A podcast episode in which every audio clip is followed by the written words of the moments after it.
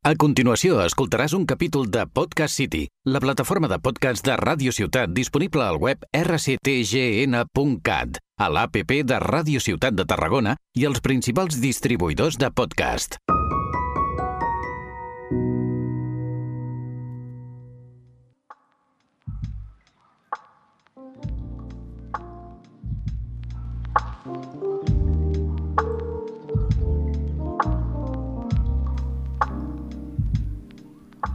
Hola, bones. Eh, soc Lídia Porta, em presento. Soc estudiant de segon de periodisme aquí a la URB i aquest podcast consistirà en unir una de les meves grans passions, que són la història i el feminisme. Doncs bé, aquest post podcast del que anirà serà anant eh, descobrint o anant explicant dones importants de la història que són desconegudes o que no s'ha, com dir-ho, se les reconeix pels seus mèrits, científiques, artistes, pintores... bueno, en definitiva, tots els àmbits del món en el qual vivim i, molt important, doncs, invents també que tenim actualment, que potser són més antics i són creats per dones i no ho sabíem. bueno, en general, tot el paper de la dona que, si observeu els llibres de història de l'escola o de la universitat, doncs no apareixen gaire, però hi són, encara que fessin veure que no hi eren. Doncs bé, el podcast anirà presentant una o dues dones a cada programa perquè així les aneu coneguent. Doncs bé, avui primer de tot parlarem, per anar una mica obrint boca i perquè us ubiqueu, de tres dones. He decidit agafar una dona eh, més antiga, diguem-ne, una del... una antiga, eh, concretament de l'edat antiga, després una del segle XX i finalment una dona actual. Bé, comencem. Si ara jo us poso aquesta música, quines persones us podeu imaginar que pot ser?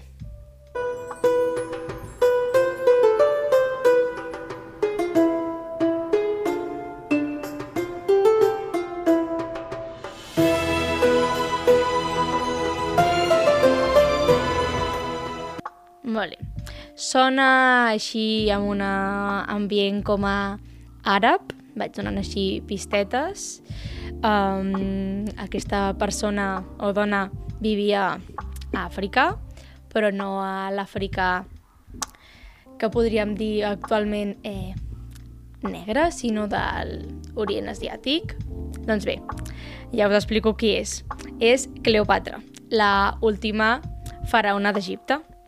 Doncs bé, sé que aquesta persona no l'he descobrit jo, o sigui, una dona poc reconeguda a la història, però avui el que he decidit és explicar una miqueta la seva vida, encara que molta gent la coneix, i donar-vos dos o tres idees que són males concepcions o males visions d'ella que hi ha actualment i bueno, doncs les volia més que res destapar vull deixar molt clar que no sóc historiadora i, per tant, me puc equivocar o mm, la informació que busco no sigui la més correcta, però faré el que més, eh, el que més pugui o el que més intenti per poder doncs, aportar el meu granet d'arena a la història. Bé, comencem. Cleopatra, tal com he dit, va ser l'última reina d'Egipte i, eh, a més a més de ser l'última reina d'Egipte, que és de, el que se la coneix, també va ser diplomàtica, comandant naval, lingüista i escriptora de tractats mèdics, tot i que això no ho sap tothom. Bé, a Cleopatra se la coneix per haver sigut la amant de Juli César i de Marc Antoni i posar-se a la política de la eh, antiga Roma i tot aquest aura que té de misteri, de secretisme, de que es va matar amb una serp, que s'ha amagat dins d'una catifa... Bueno, totes aquestes visions una mica errònies, podríem dir, si eh, t'informes una miqueta, i és que el problema que hi havia amb Cleopatra és que se la va desmereixer perquè s'havia aliat amb Marc Antoni i a la gent de Roma no li feia gaire il·lusió que un ciutadà romà pues, s'enrotllés amb una de fora. Doncs bé, aquí el que vinc a eh, comentar és que, primer, no s'ha d'amagar a cap catifa ni cap cosa d'aquest estil, sinó que el que va fer que Juli César li agradés és, o el que el va enamorar va ser la seva visió del de, món, la, el seu encant. O sigui, el que li va enamorar va ser la seva personalitat, però clar, com pots fer que un, o com pots pintar que un home s'ha enamorat d'una dona intel·ligent, sent els temps que eren, jajaja, ja, ja, antiga Roma i antic Egipte? Doncs bé, posant-li aquesta aura de misticisme, de s'ha amagat una catifa i l'ha enganyat, bla, bla, bla. Bueno. I segona cosa de Cleopatra, que si no m'enrotllo més que una persiana, és uh, com es va eh, treure la vida. Bueno, uh, el misteri que hi ha és que, bueno, la va mossegar una serp, que va mm, veure esverí... Bueno, doncs no, els historiadors el que comenten és que possiblement sí, es va suïcidar amb verí, sí, també és veritat, però no es va deixar picar o aquest ambient estrany, sinó que possiblement s'ho va injectar. Bé, ara passem a la següent dona de la llista, que mm, és, tal com he comentat, del segle XX. Us puc donar les pistes de que és eh, espanyola, què més puc dir que és una política? A veure, quines pistes més us puc donar? Yo, señores diputados, me siento ciudadano antes que mujer y considero que sería un profundo error político dejar a la mujer al margen de ese derecho, a la mujer que espera y confía en vosotros. Bé, aquest àudio eh, que he extret és de el discurs de Clara Campoamor al Congrés dels Diputats el eh, 1 d'octubre de l'any 31 del discurs per al vot femení. Però ara no vinc a parlar precisament de Clara Campoamor, que és la persona més coneguda sobre aquest tema, sinó vinc a parlar de la seva oponent, Victoria Kent, la que moltes persones de la història han demonitzat com que estava en contra del vot femení, que era una dona antifeminista i tot aquest ambient que ha volgut desprestigiar una dona que simplement era una advocada, la primera advocada realment, i la primera en exercir com a tal durant la dictadura de Primo de Rivera. Cuidao, no és cap tonteria per desmereixer-la. Però bueno, lo important aquí és que ella no està en contra de al vot femení, sinó que era molt conscient de la situació que hi havia en aquell moment de la dona. Les dones no tenien suficient preparació social o política per poder pensar per elles mateixes. I el que a Victoria Kennel li feia por és que al final donar-li el vot a les dones s'acabés votant el que els seus marits decidissin o el que el pàrroc de l'església els hi digués. Llavors, això és una realitat molt trista, perquè sí que volia el vot femení, però creia que en aquell moment no estàvem preparades i m'incloeixo encara que no visqués en aquella època, però com a dones no estàvem preparades per poder votar de forma lliure, podríem dir, o de forma conscient del que fèiem. Per tant, crec que el més important de tot realment és que no s'ha de demonitzar una persona que sí que volia realment el vot, però potser no era el moment.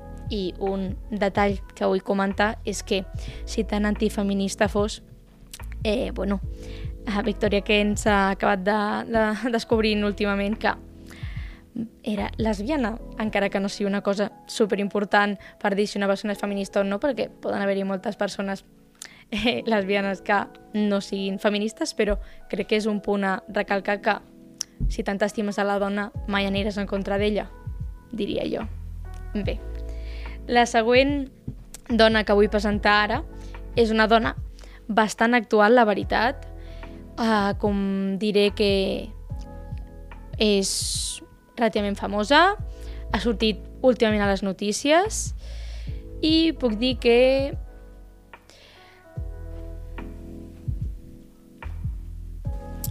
Et la vainqueur est Alexia Putellas.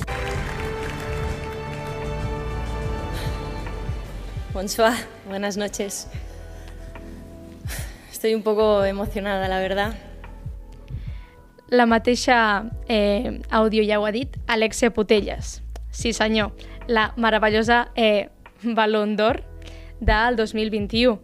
Doncs aquesta estimadíssima eh, senyora, Alexia Botelles, és una futbolista molt reconeguda aquí, espanyola, la segona persona espanyola en tindre una pilota d'or i, el més important, és una persona que ha, bueno, ella i les seves companyes del Barcelona, del Futbol Club Barcelona femení, han començat a fer que el futbol femení es conegui més, que el futbol femení surti a la televisió, que se parli d'elles i crec que era molt important portar-la avui per reconèixer aquest mèrit de totes elles i Alexia Putelles és una de les referents o les capdavanteres aquí a Espanya que estan obrint camí i més que res eh, volia també dir que eh, espero que no, no ho escoltarà mai i si ho escolta, mira, millor eh, l'Alexia a l'Eurocopa femenina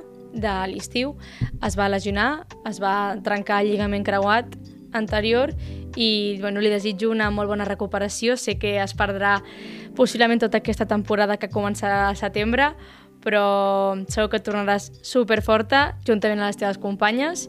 I bueno, fins aquí les tres dones que he volgut presentar avui i eh, espero que us hagi agradat el podcast, que hàgiu après coses noves que no sabíeu sobre aquestes dones importants i ara us donaré dues pistes, una per cada dona que parlaré al següent programa.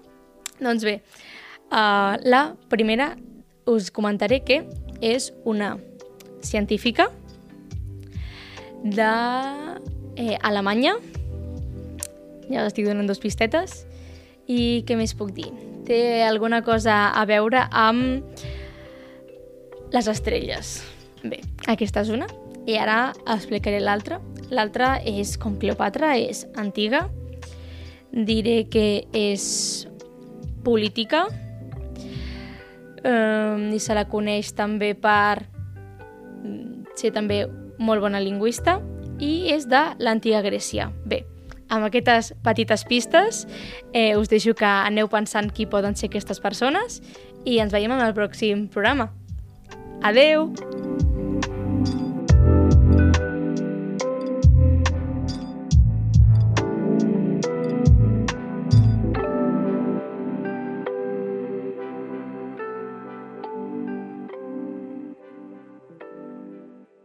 Has escoltat un capítol de Podcast City, la plataforma de podcast de Ràdio Ciutat disponible al web rctgn.cat, a l'APP de Ràdio Ciutat de Tarragona i els principals distribuïdors de podcast.